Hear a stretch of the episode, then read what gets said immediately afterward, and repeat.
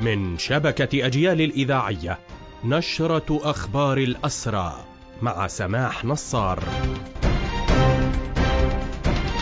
أهلا ومرحبا بكم إلى هذا اللقاء. أعلنت هيئة الأسرى والمحررين نتائج التحقيق في استشهاد الأسير ثائر أبو عصب من محافظة قلقيلية الذي اغتالته قوات الاحتلال داخل سجن النقب في الثامن عشر من الشهر الماضي.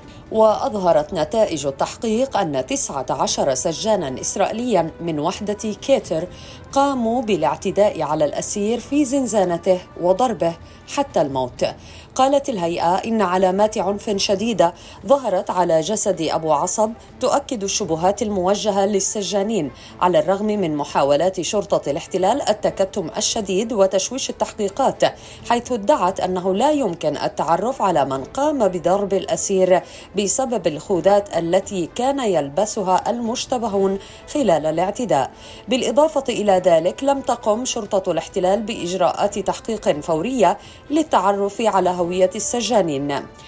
وقد أشارت هيئة شؤون الأسرى والمحررين إلى أنها قامت بالتوجه باسم عائلة الشهيد فورا وبعد استشهاده بطلب فتح إجراءات تحقيق وفقا للقانون علما أن أبو عصب اعتقل عام 2005 وكان محكوما بالسجن لمدة 25 عاما. حملت هيئة شؤون الأسرى والمحررين ونادي الأسير سلطات الاحتلال المسؤولية الكاملة عن التدهور الصحي الخطير الذي خرج به الأسير فاروق الخطيب من رام الله وكان أفرج عنه الليلة الماضية. أشار المصدر إلى أن الاحتلال ارتكب جريمة طبية بحق المعتقل الإداري فاروق الخطيب وقد يتحمل الاحتلال المسؤولية الكاملة عن ذلك علما أنه يبلغ 30 عاما من بلدة أبو شخيدم أطلق سراحه الليلة الماضية بعد أن أمضى في اعتقاله الأخير منذ شهر آب الماضي أربعة أشهر اعتقالا إداريا أي قبل انتهاء اعتقاله الإداري بشهرين. بحسب عائلة المعتقل فإن نجلها لم يكن يعاني من أي أمراض مزمنة قبل اعتقاله وأشارت إلى أنه تعرض لجريمة بعد اعتقاله تمثلت بالاعتداء عليه بالضرب المبرح من قبل قوات النحشون خلال نقله من سجن عوفر إلى معبر الرملة. وامتدت الجريمة لاحقا باستمرار اعتقاله إداريا رغم استمرار تفاقم وضعه الصحي الخطير جراء الجريمة الطبية التي نفذت بحقه. وذلك إلى جانب جريمة الاعتداء عليه التي أوصلته إلى هذه المرحلة الخطيرة. على مدار الفترة الماضية احتجز الاحتلال الأسير الخطيب في سجن نفحة بعد نقله من سجن عوفر وكانت الفترة الأطول من احتجازه إلى أن نقل مؤخرا إلى عيادة سجن الرملة ومنها إلى مشفى سوروكا ومنه تم الإفراج عنه الليلة الماضية عبر حاجز نعلين. العسكري.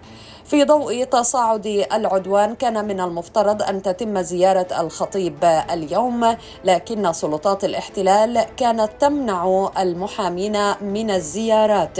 حالة المعتقل الخطيب ليست الوحيدة.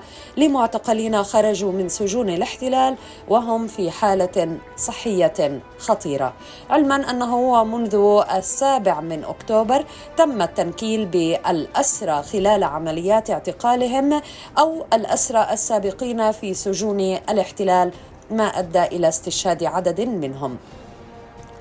في أخبار هذه النشرة حملة الاعتقالات اليومية طالت الليلة الماضية وحتى صباح اليوم الخميس.